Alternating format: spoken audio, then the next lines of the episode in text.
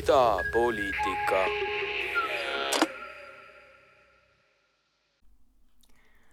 tere, tere, tere kuulama idapoliitika järjekorras üheteistkümnendat saadet mina olen Mariann Võsumets ja tänane saade on selle poolest natuke eriline, et kui me tavaliselt teeme seda saadet koos Mats Kuuskemaaga, siis Mats on äh, sellel korral põrutanud hoopistükkis Kaplinna, Lõuna-Aafrika Vabariiki ja naudib oma elu ja töö tegemisi seal. Äh, mina seevastu asun Londonis, Ühendkuningriigis ja mul on tänaseks saateks valmistatud teile kuulamiseks värskelt äh, kolm väga superägedat intervjuud äh, kolme erineva inimesega ja mõistagi me purjetame ikka poliitikalainetel, et esimene nendest intervjuust, mille ma salvestasin sellel nädalal, teisipäeval on Rainer Katteliga, kes on UCL-i professor, avaliku halduse ja innovatsiooni professor siis University College Londonis. me saime temaga kokku tema instituudis ja rääkisime Suurbritannia poliitikast, rääkisime vasakpoolsusest, rääkisime sellest, mida tähendab äh, siis kodanikuaktiivsus selles võtmes, et äh, miks Eestis on näiteks jätkuvalt äh, meeleavaldamine ja avalikud protestid kuidagi selline nagu taunitav nähtus. Äh, Rainer rääkis, et tema ise näiteks on osalenud erinevatel meeleavaldustel ja et siin Londonis ja Suurbritannias tervikuna vaadatakse selliseid ühiskondlikke liikumisi, meeleavaldusi ja poliitilist osavõtmist natuke teistmoodi, et kui Eestis äh, ma tean, paljud inimesed näiteks kas ei, ei lähe meelt avaldama, streikima, isegi kui nad tunnevad, et neil selleks vajadus või soov oleks, sest oi, mida mu tööandja minust arvab või, või mida mu sõbrad minust arvavad, et see on nagu selline kuidagi selline kahtlane maik on sellel küljes, et me rääkisime Rainer Katteliga sellest ja, ja paljudest teistest teemadest ka ähm,. ja kindlasti, kindlasti ma usun, et teil on ka põnev seda kuulata, et see on selle saate äh, Äh, kõige pikem intervjuu. Äh, pärast seda me räägime natukene kliimast ja me räägime Eesti suursaadikuga Inglismaal Viljar Lubiga, sest Eesti saatkond käis nädalavahetusel äh, prügi koristamas maailma koristuspäeva raames ehk siis World Cleanup Day, kusjuures alguse sai see üritus, millel on tänaseks viiskümmend miljonit vabatahtlikku, mis korjas kokku ligi kakssada kaheksakümmend tonni prügi üle kogu maailma sellel möödunud laupäeval siis. et see üritus sai alguse ju tegelikult Eestist aastal kaks tuhat kaheksa Teeme ära kampaania raames, et Äh, minuvanused ja kindlasti nooremad inimesed, aga ka vanemad äh, mäletavad seda, et kui siis Eesti metsade alt käidi prügi koristamas ja ettevõtlikud äh, eestlased, nagu me oleme, tegid sellest siis sellise suurema aktsiooni, et World Cleanup Day nime all on see üle kogu maailma nüüd tuntud. Ja siin Ida-Londoni kanalite peal, mis on Thamesi jõega seotud, käisidki siis suur hulk inimesi laupäeval prügi korjamas ja ja Eesti suursaadik Viljar Lubi nende seas ja rääkisimegi siis temaga sellest, et kuidas näiteks äh, prügimajandus, aga ka kliimapoliitika, aga üleüldine suhtumine keskkonda ja korrashoidu erineb näiteks siin Londonis ja, ja, ja Tallinnas, et ähm, ma ise olen siin nüüd elanud napilt kuu aega ja üks asi, mis mulle siin Londoni linna peal äh, ringi käies silma hakkab, on kindlasti see, kui räpane linn see on, aga paratamatu on see mõnes mõttes ka, sellepärast et kaheksa miljonit inimest elab siin linnas, äh, seda on seitse korda rohkem kui terves Eestis kokku. Ja paratamatu see, see prügi nii-öelda tekkimine on, aga aga igas muus mõttes ka Tallinna elukeskkonnana on ikkagi palju, kuidas öelda, kvaliteetsem nii, nii õhukvaliteedi mõttes, aga ka vahemaade mõttes, aga ka reostuse ja muu mõttes.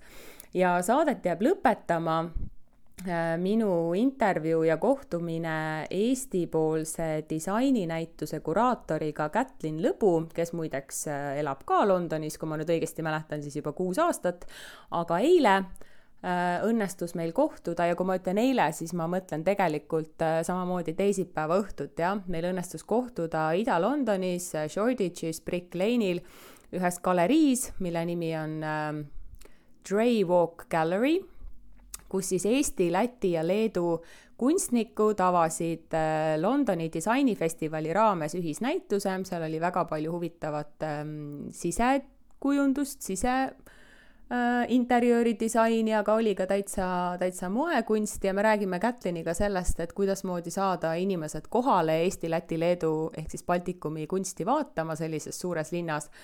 Ja, ja mis nende eesmärk sellega laiemalt oli, et samamoodi väga huvitav kohtumine ja täitsa õhtusse see, see üritus läks ja, ja, ja väga selline mõnus ja, ja meeleolukas ähm, õhtupoolik siis erinevate rahvusvaheliste külastajate seltsis, aga ka Eesti, Läti, Leedu saadikud olid seal kohal, aga ka väga palju eesti keelt võis seal kuulda, nii et minu eluolu siin Londonis on möödunud sellise fifty-sixty Eesti tähe all, et ma olen ma ei tea, tõesti väga paljude eestlastega nii töö tõttu, aga ka, aga ka varasemate kontaktide tõttu siin kokku puutunud ja ja seni on elu päris tore ja edaspidi idapoliitika lähebki eetrisse siis niimoodi, et äh, mina olen jätkuvalt Londonis, Mats tuleb ühel hetkel Tallinnasse tagasi, aga kindlasti reisib tema ka palju ringi. nii et kui meie eesmärk selle saatega oli teile pakkuda sellist äh, globaalset vaadet ja ise selles globaalsuses pidevalt osaleda, siis mina arvan küll, et see on täiesti väärtus omaette, et me saame Eesti kuulajale tuua sellist mõnes mõttes nagu nišikat poliitikasaadet mis võib-olla Eesti raadio või podcastide maastikult on natuke puudu. et me Matsiga oleme rääkinud ka, et meil on jätkuvalt väga hea meel, et me seda saadet teeme ja, ja sellist nii-öelda uue põlvkonna häält ja vaateid ja elukogemust siis teiega vahendada saame ja teieni tuua saame. Nii et pange nüüd ennast valmis, turvavööd peale või mida iganes te hetkel teete, kui te praegu seda podcasti kuulate. Äh, et esimene intervjuu siis tõepoolest äh, Rainer Katteliga kohe teieni jõuab, aga nii nagu idapoliitikale ikka kombeks, siis äh, alustame mõnusa muusikaga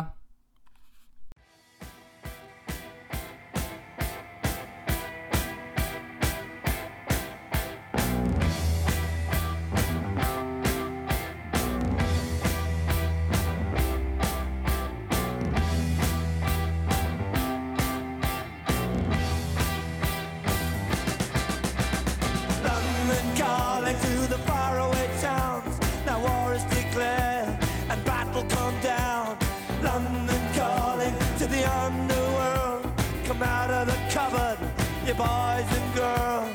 London calling, now don't look to us. Phony Beatlemania has bitten the dust.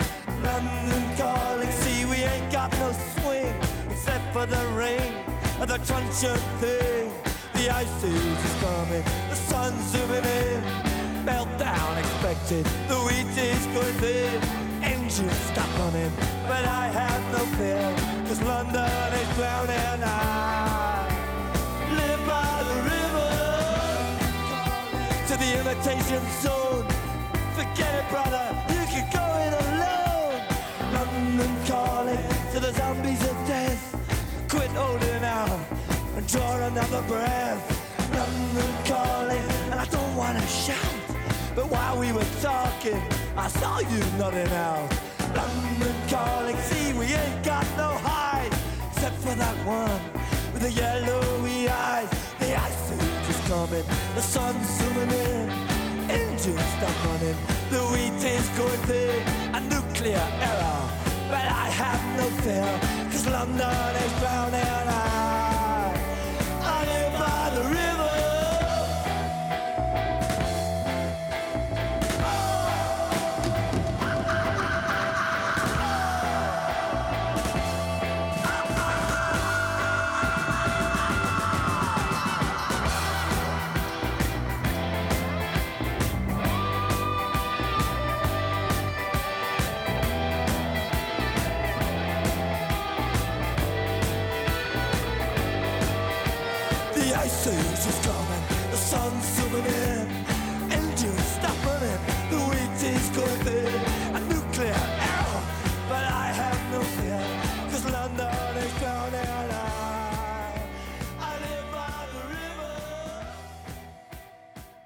Ja mul on väga hea meel öelda tere tänasele idapoliitika külalisele, kes on Rainer Kattel ja me oleme Rainer Katteliga mõlemad siin Londonis täna ja Rainer on UCL-i ehk siis University College Londoni innovatsiooni ja riigihalduse professor, kui ma nüüd õigesti ütlesin, jah?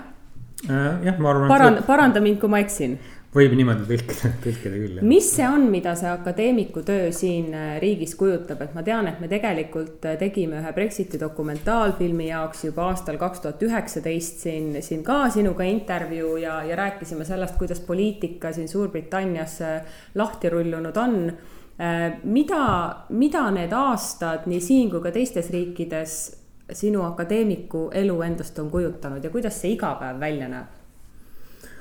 Ja ega iga päev akadeemikule, noh, mõnes mõttes ega ta on suhteliselt sarnane ükskõik, kus sa, kus sa ju töötad, et selles mõttes sa pead lugema, kirjutama ja palju inimestega suhtlema, selles mõttes, et suhtled tudengitega, suhtled oma kolleegidega, teiste kolleegidega, lihtsalt ilmselt see vahe on, siin on kindlasti erinevus selles mõttes väga, väga suur, et see on hästi kirev ülikool, ta on väga kõrgetasemeline üli, ülikool, ta on nii-öelda enamasti nende erinevates ranking utes on ta kuskil top kümme, top kakskümmend, et seetõttu kõik kolleegid, keda sa kohtad, on ilmselt oma valdkonnas maailma juhtivad teadlased, et seetõttu on kindlasti see põnev, aga ma arvan, et kõige, võib-olla kõige suurem erinevus on ikkagi tudengkonnas, et tudengkond on siin äärmiselt äär-, äärmiselt talendikas, kui nii võib öelda, väga nutikad, väga igalt poolt erinevalt kokku tulnud üle maailma ja seetõttu on, see on selle töö juures võib-olla kõige võluvam aspekt siin, et, et igapäevaselt tudengeid, noh, mina kohtun peamiselt magistri ja doktorandi tasemel tudengitega on, on äärmiselt sümpaatne, et see hoiab ennast ka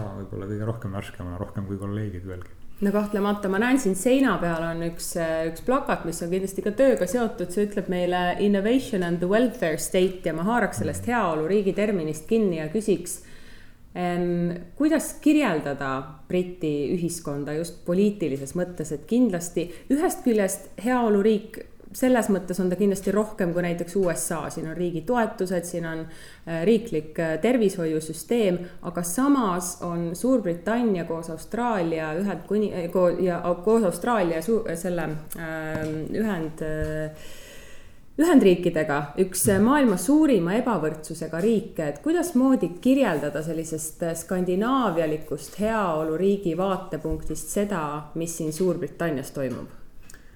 Äh, jah, eks see ebavõrdsus on siin kindlasti suur, aga kui me vaatame näiteks Eesti vaatevinklist, siis ta on suht sarnane jällegi Eestile, nii et selles mõttes ma arvan, et võib-olla Eesti kuulajale Suurbritannia ei olegi nii väga üllatav, et äh, võib-olla tõesti, kui te, kui te, kui te vaatate seda sellise Stockholmi või Helsingi vaatevinklist, on ta nagu on ta nagu üllatav, mis siin toimub, et. no ma arvan, mis siin on äh, erinev kindlasti on see tõepoolest, et, äh, et ühest küljest tervishoiusüsteem on siin väga kõrgelt hinnatud läbi tänu sellele, et ta on tasuta tervishoiusüsteem äh, noh tarbija seisukohalt vaadates tööandja, töövõt-, tööandja ja töövõtja seisukohalt ta muidugi ei ole tasuta, et.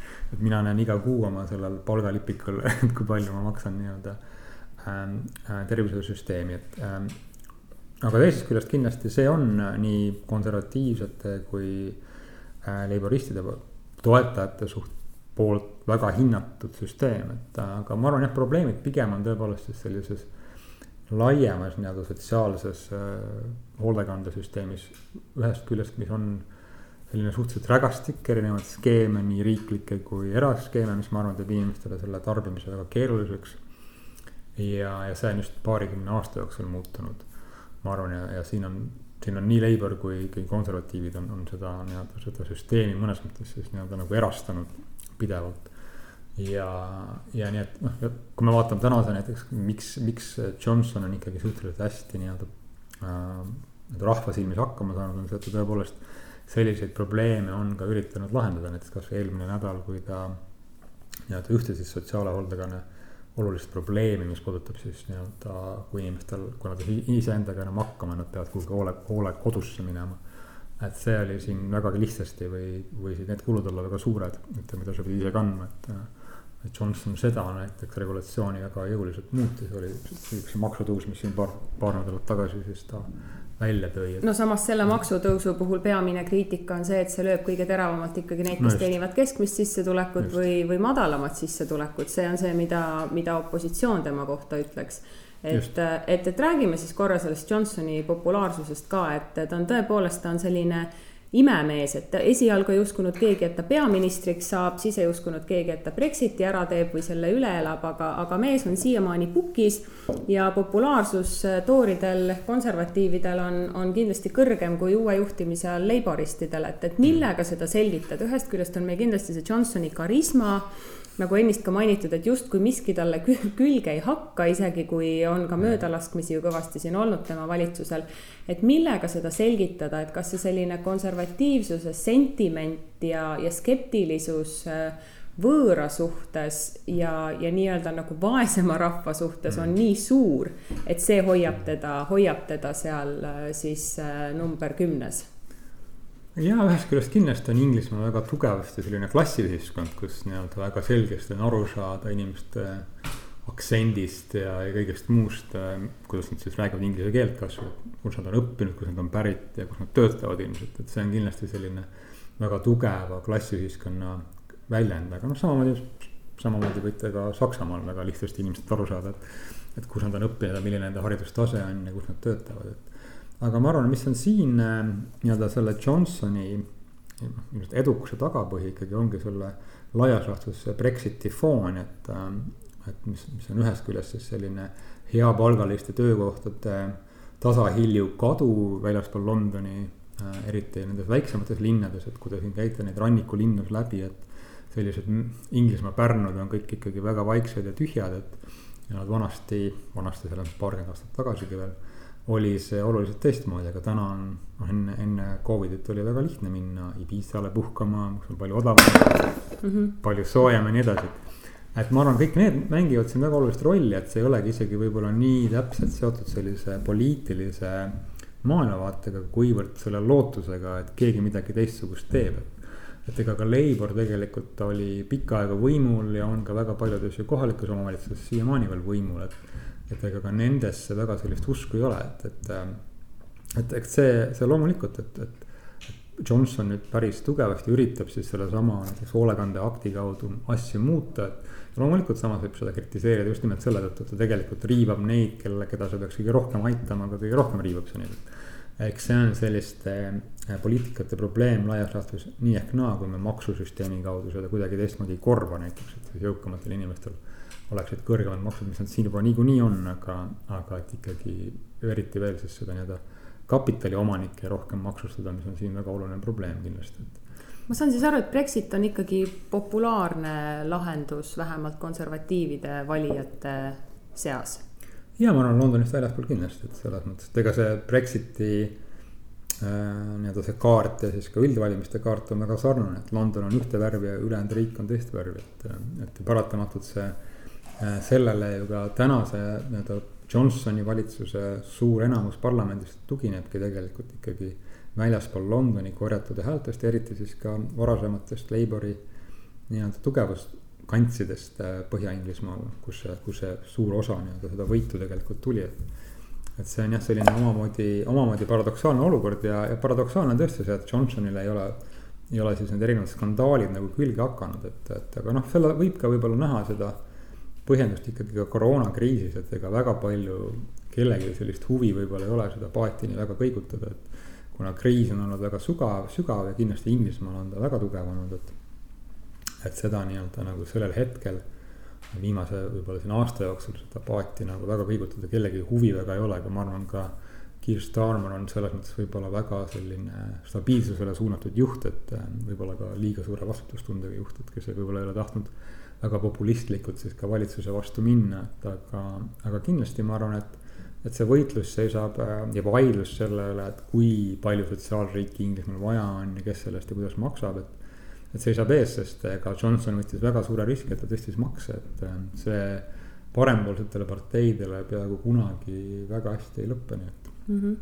Me salvestame seda intervjuud täna teisipäeval, kahekümne esimesel septembril ja eile kirjutas üks Guardiani kolumnist äh, Owen Jones artikli sellest, mis küll on, mis sai küll tõuke sellest, et Aleksandria Ocasio-Cortez käis siis Met Galal oma kurikuulsa kleidiga, kus oli peal sõnum äh, tax the rich ehk siis maksustage rikkaid.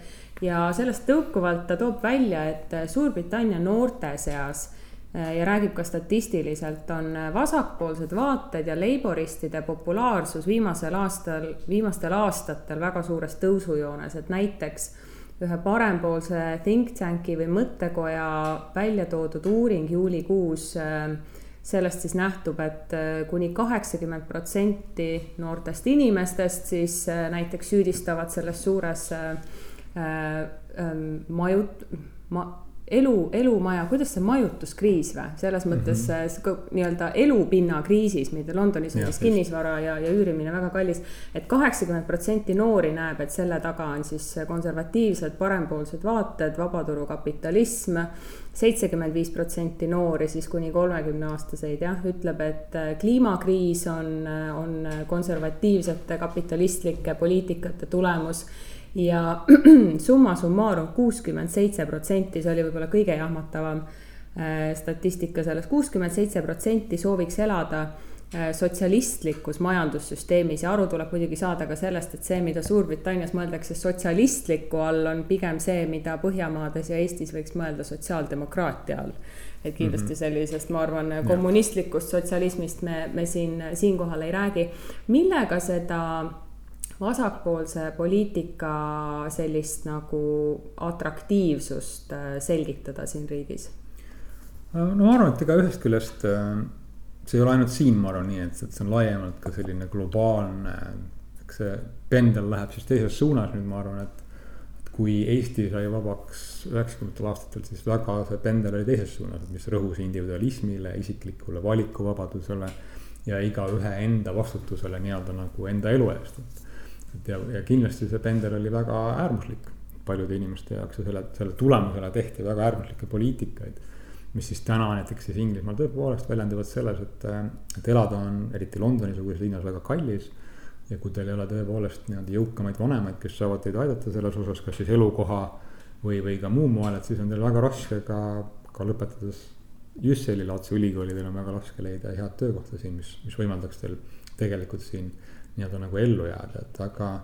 ja noh, selle taga on loomulikult ka erinevad sellised nii-öelda probleemid, et, et, et London oli väga tugevasti siis nii-öelda sellise sotsiaalse majutuse või elamispinnaga linn, mis on siis väga tugevasti erastatud. tegelikult viimase viieteist aasta jooksul, et äh, alates küll Thatcherist, aga eriti Cameroni valitsuse ajal tehti väga jõudsaid, jõulisi samme, kus siis neid nii-öelda sotsiaalkortereid sai erastada ja nii edasi, et mis on siis selle nii-öelda selle riikliku või siis linna poolt omatud nii-öelda elamispinna viinud allapoole tänu sellele siis eraarendajate poolt jällegi hinnad on läinud üles, et kuna nõudlus Londoni suures, suguses linnas on olnud väga-väga suur, et. et see, mis oli tema tugevus, et ka, ka täna ükskõik, kus sa Londonis elad, et sinu läheduses kindlasti.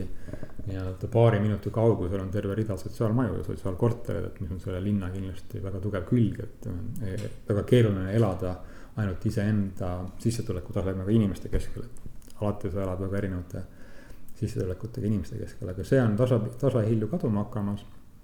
ja ma arvan, et see ongi selline jah, mida sotsialismiks nimetada, on pigem siis see, et kes omab näiteks kortereid, et. kas seda ikkagi ei peaks rohkem omama riik ja linn tänu sellele siis hoidma üüri nii-öelda kontrolli all.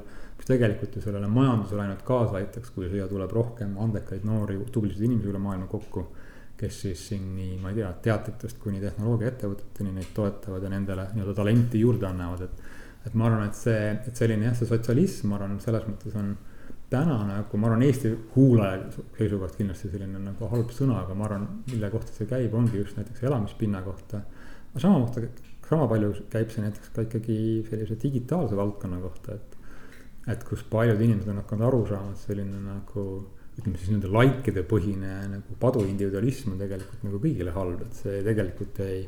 ei ole nagu lastele, noortele inimestele hea, et ta loob väga e-, kummalisi eeskujusi, alates. ma ei tea, milline peab naine välja nägema, kuni milleni iganes, et. et ma arvan, et ka seal tegelikult selline nagu palju sotsiaalsem omandivorm, et kes meie andmeid omab, et on paljudele atrak-, atraktiivne, et noh, et kui meie mõtleme sotsialismi, siis me kohe näeme mingeid Viigati tehaseid ja kolhoose, aga see on hoopis teine nagu mõttelaad ja. ja ma arvan, et see on äärmiselt oluline, et nende asjade peale sellisel kujul mõelda, sest tänasel, tänases maailmas, ma arvan, elamispind ja, siis andmed ongi väga, kaks väga olulist asja, mis tegelikult võiksidki laias laastus olla mingisuguses ühisomandi vormis, et, et me, et need ei oleks nii-öelda nagu eras, erakätes, et ja tõepoolest on, on ka väga suuri probleeme ju nende digitaalsete megaettevõtete maksustamisega, et äh, Amazonid ja teised praktiliselt üldse ei maksa tulumaksu näiteks. ja, ja nad oskavad väga hästi ümber käia siis nii-öelda leida neid kohti maailmas, kus oma intellektuaalomand parkida ja kus siis oma nii-öelda sissetulek parkida. ja, ja, ja samas nende nii-öelda sissetulekud kasvavad nagu müstiliselt, aga ka kriisi ajal eriti on nad kasvanud väga tugevasti, sest me kõik läksime online'i ja need on siis need digiplatvormid on sellest väga palju võitnud, et aga nad maksu maksavad väga vähe, et ja ma arvan, see on paljudele. ja, ja täiesti õigustatult on see väga ebaõiglane süsteem. Amazoni mainides siis äh, huvitav fakt on see, et kusjuures just täna New Yorgis Boris Johnson kohtub ka Jeff Bezosega, kus siis äh, vähemalt äh, number kümne Ehm, pressiinimese sõnul siis Johnsoni plaan vähemalt on tõstatada Bezosega see maksude vältimise küsimus, vähemalt siis Suurbritannia pinnal. aga kuivõrd Ida raadio kuulajad ja Ida poliitika kuulajad ka on pigem selline noorem, noorem kuulajaskond, kahekümnendad, kolmekümnendad, aga ka neljakümnendad ja, ja siin ülikooli järel töö leidmise mainimine juba ka kõlas, et, et ma, ma küsingi otse allikast, et näiteks kui inimene lõpeb, lõpetab UCL-i, mis on üks tohutult kõrgetasemeline ülikool ja, ja tahab Londonisse siis, ma ei tea, erialast tööd minna tegema, siia elama jääda millest see sõltub, sest et ma kujutan ette, et selle kooli lõpetab aastas ikkagi tuhandeid ja tuhandeid tudengeid. kas neile tänastes tingimustes kõigile jätkub hästi makstud töökohti? no ja UCL on äh, tänaseks on siis Inglismaa üliõpilaste poolelt kõige suurem ülikool, et tal on nelikümmend tuhat üliõpilast on meil siin.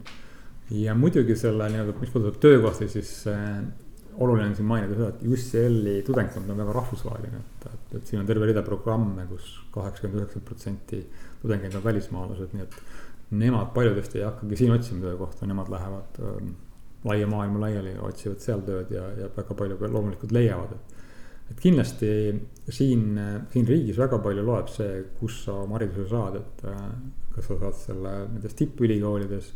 Oxford, Cambridge, UCL ja Imperial ja teised, kes siin on, eks on ju, see kindlasti väga palju nii-öelda paneb paika ka sinu võimalused tööturul, et. aga jah, UCL-i puhul ja ka, ka teiste ülikoolide puhul, et ega nad on kõik nii, nii rahvusvahelised, et nemad nii, nii väga oma lõpetajate saatuse pärast ei pea muretsema, et nad lõpetajad lähevad väga paljuski oma kod, koduriikidesse tagasi või ka kui nad on siit koha pealt pärit, et siis nad lähevad ka ise hea meelega välismaale tööle õppima, nii et see, ma arvan, ei ole jah. UCL-i poolt selline mure tegelikult vaadates räägime natuke ka sellisest fenomenist nagu avaliku elu tegelaste astumine poliitilisele platvormile, et me rääkisime mm. paar saadet tagasi idapoliitikas spordiajakirjaniku Ott Järvelaga sellest näiteks, kuidasmoodi Euroopa meistrivõistluste järel äh, ja, ja selle ajal siis näiteks Markus Rashford ja, ja Inglismaa mm. tiim tegi siin tugevaid žeste, näiteks siis põlvele laskumine, aga ka valitsuse kritiseerimine, kritiseerimine mm., mida Rashford on ka varasemalt teinud me teame näiteks selliseid artiste nagu Stormzy, kellel on väga valitsusekriitilised sõnumid oma, oma, oma räpilugudes. Ja see, ja see toimib. Ja Rashfordi puhul me näeme näiteks seda, et, et tema korjas siis äh, laste koolitoidu nimel raha kokku talvel, eks ole, mingisuguste mm -hmm. kampaaniate ja annetuste läbi. ja see heidab valitsusele päris otseselt sellist kehva varju, eelkõige siis noorte inimeste seas ja muidugi ka nende persoonide fännide seas et, et millest see tuleb ja kui mõjuvõimas selline kultuuriline poliitilise seisukoha võtmine on? ma arvan, et see on väga mõjuvõimas ja eks sellel on väga erinevaid põhjuseid, aga üks, ma arvan, kindlasti väga oluline põhjus on see, et kogu selline poliitiline maastik, mis eriti siinsetes tingimustes on ikkagi olnud väga paljugi, väga paljuski parteipoliitiline maastik. ongi muutumas, et me ilmselt keegi enam väga palju ei usu, et, et suured parteid, mis siis massiparteid. et nemad ongi ainult need kohad, kus siis peaks mingisugust poliitilist väitlust pidama, et, et ma arvan, et selline arusaam, et. et ühest küljest on poliitika palju rohkem nii-öelda kogukond, kogukondadesse liikumas, väiksematesse nii-öelda poliitilistesse üksudesse, üksustesse, kas me räägime linnaosadest või mis iganes. On üks asi, mis ma arvan, kindlasti käib sellise muutuva digitaalse maailmaga kaasas, et ja teisest küljest kindlasti see digitaalne maailm annab ka paljudele inimestele platvormi, mida nad saavad ka kasutada, et, et täpselt samamoodi Markus Rashford, ta ta, ta saab kõike seda teha läbi Twitteri, et tal ei pea olema nii-öelda parteipoliitilist masinavärki, mis teda siis kuidagi kontrollib näiteks. või tema sõnumeid äh, kasvõi mingisugune PR agency siis kuidagimoodi suunaks, et ma arvan, et see on väga suur ja oluline roll selles, et ja mida, mida me nägime ka mitte ainult siis ju, ju Inglismaal, aga me näeme seda väga palju ka Ameerika Ühendriikides. kus siis eriti näiteks korvpall on, on väga tugevasti politiseeritud äh, valdkond selle tõttu, et staarid ise näevad ennast väga poliitiliste tege-, tegelastena, aga ma arvan, et Inglismaa puhul on väga oluline see, nii nagu Ameerikas ikkagi see rassi tagapõhi sellel, et äh, kõik need inimesed, keda me oleme maininud, on, on mustanahalised inimesed. Ja ma arvan, et see selline pikaajalise ebaõiglusega tegelemine, et kuna tegelikult ka poliitikas ju ei ole otseselt sellist parteid ka Inglismaal, kes siis võtaks selle nii-öelda rassi eh, temaatika endale väga tõsiselt ette, et eh, need on ikkagi jällegi samamoodi, nad on massiparteid, nad üritavad väga laia konsensust luua, et. ja tänu sellele ma arvan, sellistel ühiskonnategelastel, poli-, äh, sportlastel, kultuuritegelastel laiemalt ongi väga suur võimalus ja ka vastutus seda valdkonda tegelikult nagu muuta, et. et ega me teame, et ega rassism on jalgpallis tänaseni väga oluline temaatika nii Inglismaal kui ka Euroopas laiemalt ja, ja teist ka samamoodi teistes eluvaldkondades, et, et ma arvan, et see on kindlasti ka väga oluline põhjus siin, et. et ühest küljest on võimalik seda teha, aga teisest küljest ongi need valdkonnad, kus, kus ei ole väga palju tegelikult teisi poliitilisi jõude, ma arvan, ees üks asi, mis mulle endale on silma hakanud ajakirjanikuna siin viimase kolme aasta jooksul näiteks Inglismaa teemasid kajastades ja poliitikat kajastades on see, et kui meile Eestis tundub selline asi nagu avalik meeleavaldus, eelkõige poliitiline meeleavaldus, veel midagi sellist, mille puhul käiakse natukene nagu ümber sellise palava pudru ja väga-väga ei mm. taheta osaleda või rääkida või tundub, et see on mingi veidrike pärusmaa, siis siin Londonis noh, ikkagi piisavalt sageli on näha, kas kliimameeleavaldusi, valitsuse poolt või vastu meeleavaldusi, isegi vaktsiinide poolt ja vastu meeleavaldusi. et muidugi on see sellise pika ja vana demokraatia osa, on selline rohujuureaktsioon ja, ja tsiviilaktsioonid aga, aga kuidasmoodi selline meeleavaldustesse suhtumine siin, siin riigis on, et, et, et, et osalevad ju ka inimesed, kes on selles mõttes igatepidi lugupeetud inimesed nii oma ametitelt kui ka kui ka muudes eluvaldkondades, et, et sellist nagu valehäbi siin inimestel mm. meeleavaldustel osalemiste puhul ei ole, kuivõrd Eestis on pigem see, et mida mu tööandja arvab, kui ma läheksin kuhugi mm. meelt avaldama, et ma olen mm. justkui nagu pooletoobine et, et mulle tundub, et Eestil on pikk maa veel minna selles osas, kui me räägime äh, sellisest kodanikujulgusest ja kodanikuaktiivsusest, et, äh, et, et kuidas seda meeleavalduste nagu sellist maastikku siin, siin Suurbritannias ja eelkõige Londonis äh, kirjeldada? ja mul on endalgi, ma olen siin neli aastat juba töötanud, et ja nendest neljast aastast kahel olen ma siis käinud läbi streikide. on olnud üks semester, kus me siis õpp, oleme õpet-, õppetööd tegelikult jätnud pooleli ja teinud seda siis koos kuidagi tudengitega nii-öelda läbi rääkides, et me ei tee õppetööd, vaid arutame nendega siis päevapoliitilisi küsimusi näiteks ja. ja ilmselt ka see aasta seisab see ees, et mis ja see on siis seotud eri nii-öelda kohaliku ametiühinguga, mis puudutab siis väga paljugi nii-öelda pensioni, haridussüsteemi, haridussüsteemi pensioneid, et kuna need pensionid on ilmselt väga paljuski langemas, et, et tänu sellele jällegi just nimelt noorematel inimestel, kes täna tulevad nii-öelda nagu ülikooli tööle, et et nende väljavaade pensionile, isegi kui nad seda ise koguvad, on, on ikkagi väga, väga palju väiksem kui, kui vanematel. aga laiemalt vaadates ma arvan, et siin minu, minu meelest on see väga suur erinevus sellisest nagu, see ei olegi mitte selline isiklik äh,. kuidas inimesed ise suhtuvad nii-öelda sellisesse poliitilisse meeleavaldusse, vaid see on, ongi laiemalt sellise avaliku ruumi nagu arusaam, et. et ma arvan, et siin, nii nagu ka siin linnas ringi käies, me näeme väga palju parke näiteks, mis ongi mõeldud kõigile kasutamiseks ja ma arvan, et ja teine asi siin linnas on näiteks liikluse piirangud väga tugevad, et äh, te saate siin ainult kolmekümne, kolmekümnega sõita enamasti, et, et. et ühesõnaga selline arusaam nagu avalikust ruumist, et see kuulub nagu kõigile või et kõigil, kas te olete autoga või rattaga või jala, peab olema tänaval mugav liikuda. või samamoodi, et te saate minna parki, et ma arvan, et igaüks kuulates võib ju võrrelda, minna, vaadata näiteks Eesti uusarendusi. Uusarenduspiirkondi, kus puudub avalik ruum, et tegelikult on, kõik on kodu, aiad, kõik on ära piiratud, et me üldse ei arenda avalikku ruumi, et ma arvan, sealt ka tuleb see erinevus, et Eesti on võib-olla selline nii-öelda. ma arvan, et see on niisugune mõisakultuuri keskne, et igaüks loob oma mõisa, et. kui minul on oma kodu, et siis ma ehitan sinna võimalikult kõrge aia ja ja ma ei taha seda kellegiga väga jagada, et, et see, aga ma arvan, et siin on ikkagi väga tugevasti selline linnakultuur, et linn peab olema kõigile kättesaadav ja samamoodi ka siin juba mainitud siis nii-öelda linna poolt või riigi poolt omatud äh, korterid. et kui me vaatame, kuidas siin kuuekümnendatel, seitsmekümnendatel tegelikult tipparhitektid arendasid siis erinevaid äh, elurajoone sellisel moel, et seal peab elama nii rikkaid kui vaesemaid inimesi, erineva nahavärviga inimesi, ma arvan, et see on äärmiselt oluline et sellise avaliku ruumi arendamine sellisel moel, et see kuulub kõigile.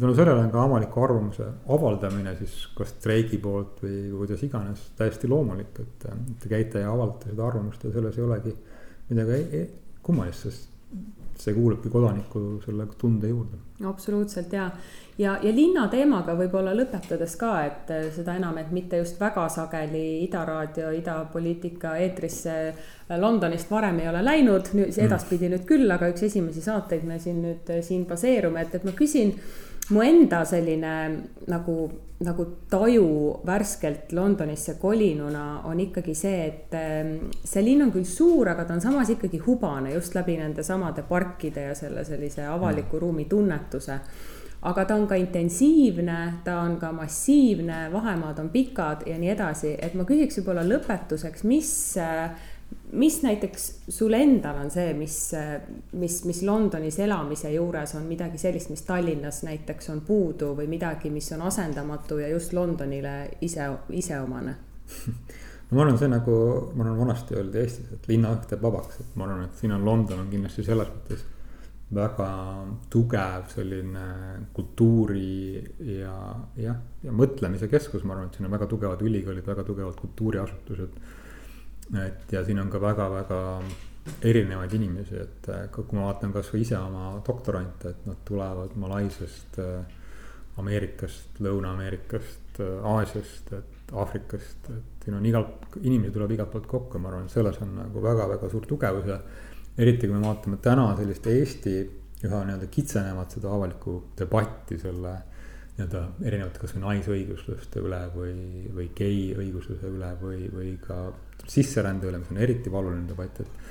et siis siin, kui me käime puhkusel Eestis, et kui ma tulen siia tagasi, siis siin ongi, et linnaõhk teeb vabaks, et siin on see mõtteruum on vaba ja, ja see on väga oluline, ma arvan, et see on hindamatu väärtus. absoluutselt ja tegelikult, kui me sellised nii-öelda valu, valulikud teemad, ma olen ise ka mõelnud, kui need saaks Eestis kuidagi hetkeks kasvõi kõrvale lükata, siis mõelda vaid, milline vabadus ja avarus äh, teiste teemadega tegelemiseks oleks, kui, kui vaadata mööda sellest, et juba aastaid ja aastaid käiatud samad teemad, et et sisseränne ja, ja mm., ja, ja naiste teema samamoodi ja kas, kas seksuaalvähemused üldse on inimesed, et kui jätaks korraks pausile need teemad, mõelda vaid, milline potentsiaal pääseks valla, see on vähemalt minu nägemus sellest, kuidas Eesti avalik debatt võiks edasi minna. ja jällegi, me tuleme selle näiteks avaliku ruumi juurde tagasi, et siis siin, siin on, kui on, on need samasugused, kas äh, nii-öelda seksuaalvähemustega seotud tähtpäevad, siis on ka parlament on,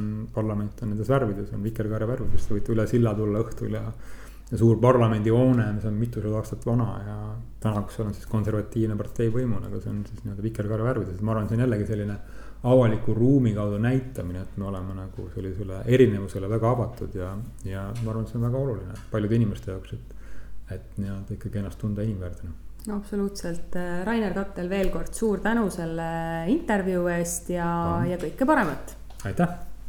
Hey you, let it, hey you, let it Hey you, let it.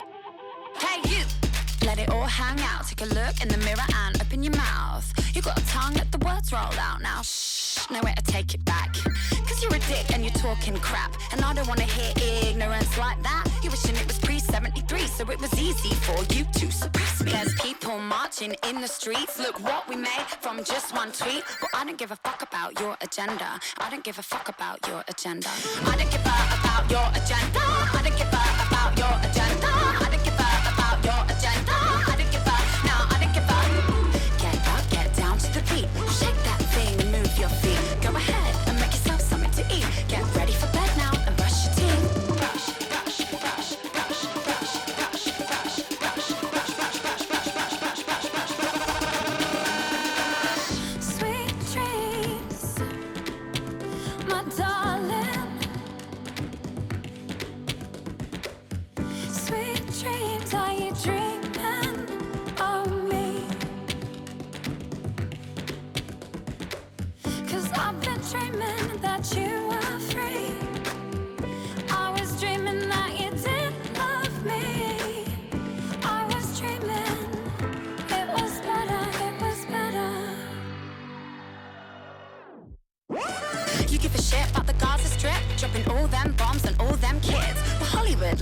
You're dismissed for being such a conscious, caring bitch. I'm sending out a kiss with a fist to the big boys, private members bliss. And when there's a grave on which to piss, I'm the first in line and you won't be missed. But she's pretty, but she's skinny, low self-esteem. I don't wanna be me now. Fuck that, don't waste that energy. Live fast, die old, young at heart, happy. Well, don't worry about a thing. We'll take a lesson, take a note from Bob Marley. Ain't got time to waste, I'm feeling ugly. Stop watching shit TV.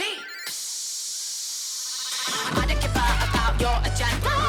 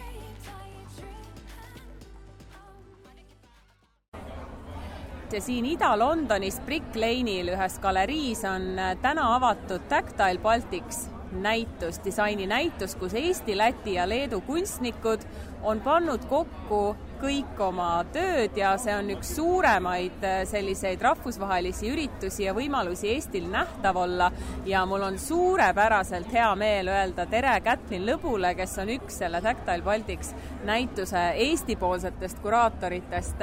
me istume praegu siin pingi peal veidi eemal, siin on tohutult palju inimesi Londonis täna kohale tulnud, et kuidas te selle näitusega ja selle õnnestumisega rahul olete ja mida see näitus endast kujutab? tere ka minu poolt ja, ja me oleme väga rahul, ei osanud oodata nii suurt melu. et me oleme nüüd siis avanud selle ametlikult nüüd teisipäeva õhtul. nagu juba mainiti, meil on siin kokku kolmkümmend kuus andekat disainerit Eestist, Lätist ja Leedust. eelnevalt toimus ka pressiüritus ajakirjanikele. Ja, ja nüüd jah siin on keraamikat, siin on moekunsti, siin on äh, sisekujundust ja see tõesti näeb kõik väga huvitav ja väga selline põhjamaine ja skandinaaviapärane mõnes mõttes ka välja. ja, ja ma küsingi, mida see tähendab äh, näiteks Eesti-sugusele riigile, et poolteist aastat eeltööd on selle ürituse valmimisse läinud, et äh, mida see nähtavus teile annab? Et see on suurepärane võimalus siin just äh, Londonis äh, näidata, mis on Balti regioon. et me näitame küll siin ühte regiooni tervikult, aga, aga siin silmnähtavalt saab aru, et mis on Eesti disain, mis on Läti ja mis on Leedu disain. ja, ja kindlasti loodame, et see jääb silma, meil on olnud väga palju pressikajastust eelnevalt, meie näitusest on räägitud El-Decoris, erinevates disainiajakirjades, eile andsime intervjuu Monokli äh, Monoklile ja, ja loodame, et siit tuleb siis palju äh, palju jätkuvat juttu, et mis on Balti regioon ja mis disaini seal tehakse no räägime mõningatest töödest ka. Eesti paekivi on siin kohe uksest sisse astudes on üks taburet, mis on paekivist, siis on üks selline laualaadne mitmete platvormidega element, et äh, mis selle töö puhul näiteks äh, eripärast on? ja see, see töö on üks äh, üks minu lemmikutest, kui nüüd aus olla. Tegu on Eesti Kunstiakadeemia toote disainiosakonna projekti Dig Where You Stand'iga, kus me siis eh, esitleme siin hetkel kolme tudengi tööd. Neid töid oli kõvasti rohkem, aga me valisime siis need põnevad tööd, mis on Anna-Liisa Hauka Peegel, Siim Zimmermanni alus ja Oliver Kanniste tool mis on oluline selle projekti äh, ja nende tööde puhul, et äh, et uuritakse paekivi äh, kui materjali, mis on, mida, mida meil Eestis on palju, et, et kuidas seda saab kasutada mööblis ja mööblidisainis, et tavaliselt ei, ei ole see sellises vormis nähtav. Siin on üks väga huvitav töö ka, mis on küll Leedu kunstniku töö, see on see kasuka või mantli moodi rõivaese, mis on üleni kaetud. Äh, naise rindadega justkui, selle töö nimi on Girl Power ja see räägib äh, naise eksponeerimisest meedias, kehakuvandist mõnes mõttes. kas sa saad meile natuke selle kohta ka tausta anda, et mida see töö meile räägib, et ta näeb tõesti väga pilkupüüdev välja, ta on üleni roosa, ta on reaalselt kantav Äh, tal on nööbid ees ja ta on siin äh, saali kõige tagumises nurgas, et kui kõik äh, selline nagu sisekujundus on vaadatud, siis lõpuks inimene jõuab ka selleni ja mõtleb, et ohoo, millest see veel räägib? Ja tõesti, see on sattunud meie sellisesse eklektilisse nurka, kus on meil ka mõned teised üsna nii-öelda crazy'd tööd. Äh, disainer Justiina Sensenkait äh, on loonud siis sellise põneva teose, mis juba eelpool kirjeldatud, äh, näeb tõesti väga roosa välja ja pilku püüdev. Äh, Girl Power on nimi ja, ja noh, põhiidee on sellel, et kuidas me oleme mõjutatud massimeedia poolt kuidas, kuidas me peaksime välja nägema ja kuidas võib lihtsalt selle kõige temaatika üle nalja visata et see on tema selline põnev lahendus äh, väga olulise teema üle. Kui suurt rolli mängis selle tänase ürituse korraldamise juures, et siin on tõesti kümneid inimesi, ma vaatan praegu siin terrassi peal sees, no ma ütlen kokku julgelt ligi, ligi sadakond inimest.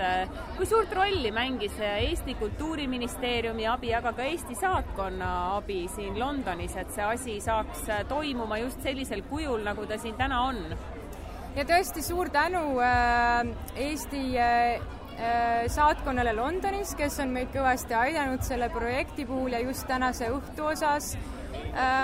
samuti suur tänu Balti Kultuurifondile, kelle toetusel selline suur ühisprojekt aset leidis ja, ja tõesti ka Eesti Kultuuriministeeriumile, et ilma nendeta me siin ilmselgelt ei oleks kuidas Eesti kunstil täna rahvusvaheliselt läheb, kas me oleme saamas äh, tuntud nimeks, kas me suudame üllatada, kas me suudame šokeerida? ma arvan, et äh, nii Balti üleüldiselt kui Eesti disain on veel üsna noor äh,. ja mis ongi võib-olla põnev, sellepärast et väga paljud külastajad, me oleme olnud avatud siin nüüd äh, alates laupäevast et see on väga, mida me oleme kuulnud, et öeldakse, et on väga autentne, on väga down to earth äh, ja on, on midagi hoopis teistmoodi, et on põnev just, äh, just sellisele Briti külastajale. Just, Kätlin Lõbu, suur tänu ja palju õnne veel kord selle suurepärase avamise korraldamise eest ja õhtumelu siin Ida-Londonis jätkub. mina olen Mariann Võsumets Londonist Cause the last relationship's off the rock. Got hurt majorly, finds it tough to trust. Looked at the ashtray, then looked back up, spinning it away on the tabletop. She looked much fitter than Saturday Joss. She worked in JD's with Dan. Back then I figured she was pretty damn rough, but she was only wearing her work stuff. And in these clothes she looked more than buff. She stirred her straw, sat up to adjust. I told her I thought it was important that you could get lost in conversation, chatting, sitting in oblivion with that person who's your special one. She said she was the worst pool player under the sun, but blokes go easy, so she always won. I saw this thing on ITV the other week. Said that if she played with her hair, she's probably keen. She's playing with her hair well regularly. So I reckon I could well be in. She didn't look too bored with what I was saying. Her hair looked much better than the other day. She had her fingers round her hair playing. I saw on telly that's a good indication. Still enough to buy the next drink though, nay. But I suppose that's just our girl's way. I'm trying to think what else I can say. Peeling the label off, spinning the ashtray. Yeah, actually, yeah, she did look pretty neat. Her perfume smelled expensive and sweet. But I felt like my hair looked a bit. I wished I'd had it cut back last week. She kept giving me this look as she would speak. Was she only friendly or was she keen? Asked her if she wanted the same again to drink. So started to turn and get up out my seat. I saw this thing on ITV the other week. Said that if she played with her hair, she's probably keen. She's playing with her hair well regularly. So I reckon I could well be in. As I walked back with more drinks to our place, she had her phone stuck to the side of her face. I sat for a minute while she chatted away about something with her mum and her birthday. Played for a bit with the same ashtray. Thought about things while I sat and waited. It was nice to chat about in my head. Someone who just listens to you instead. I looked at the barman, wiping down again. Looked at the football on the TV set. Trying to look like I weren't just waiting there her conversation to come to an end. I looked at my watch and realised right then that for three hours been in conversation. Before she put her phone down, she switched to silent and we carried on chatting for more than that again. I saw this thing on ITV the other week. Said that if she played with her hair, she's probably keen. She's playing with her hair well regularly. So I reckon I could well be in. Täna on käimas maailmakoristuspäev, Eesti saatkond on siin kohal peaaegu täies koosseisus ja just on tuldud maha kajakkide pealt ja kokku on saadud suur hulk prügi siit ühest Ida-Londoni kanalist. kuidas see ettevõtmine teil õnnestus? ma, minu vestluskaaslane on Eesti suursaadik Viljar Lubi.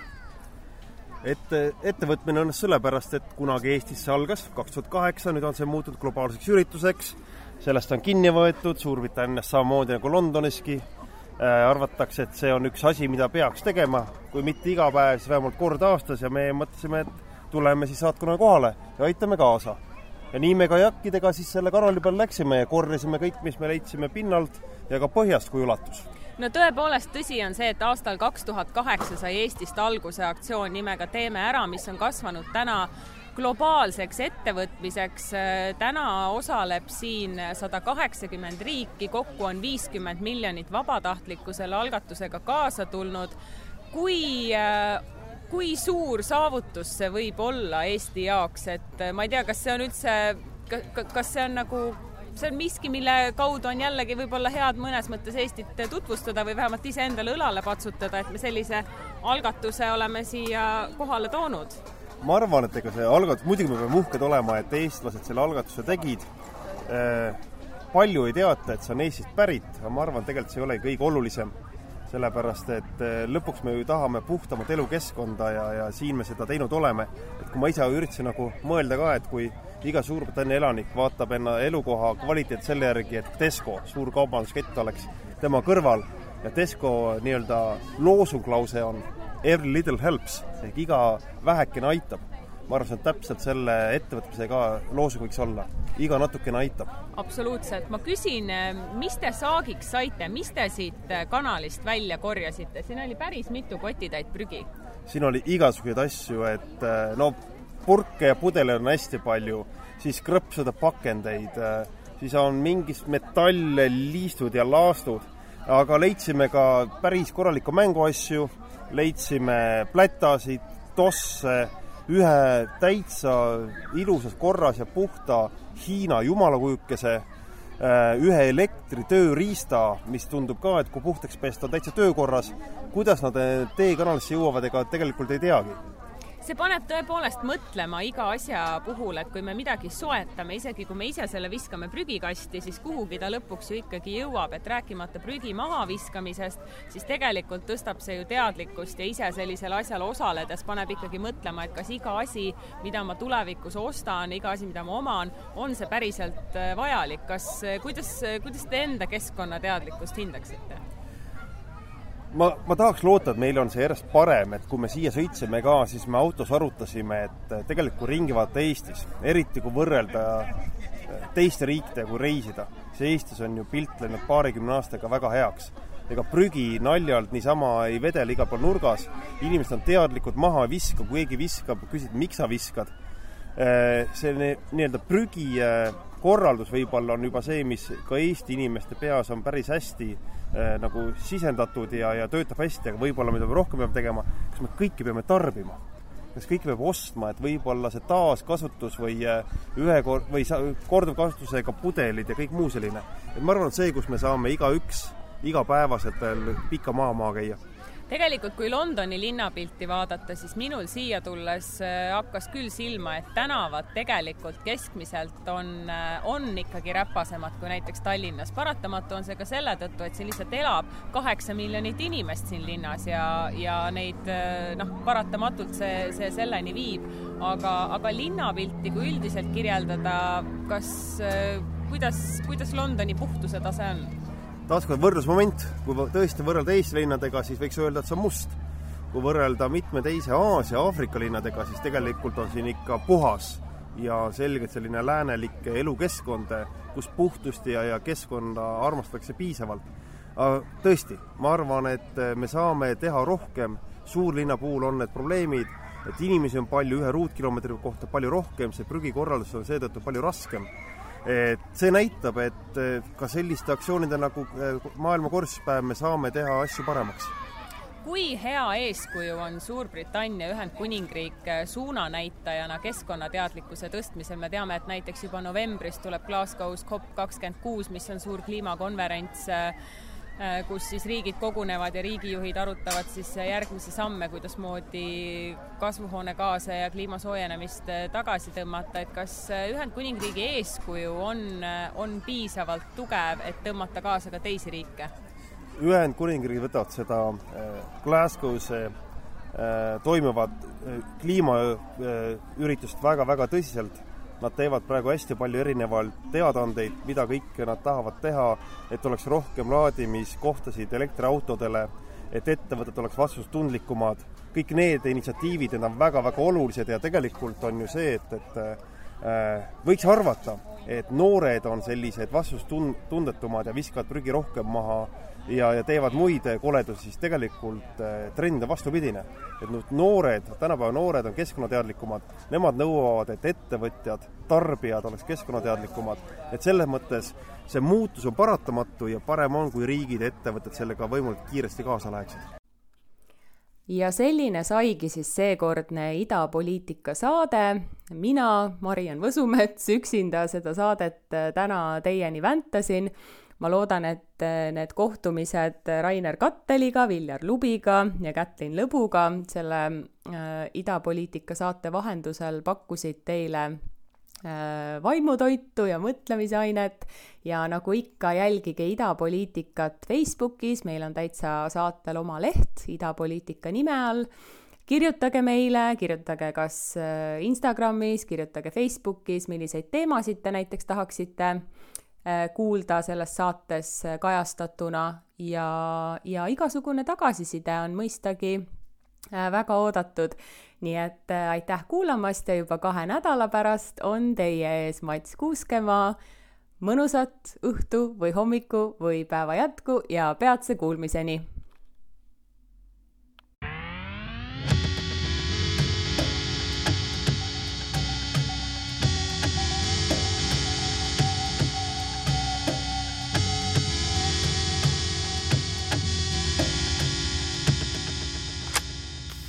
idapoliitika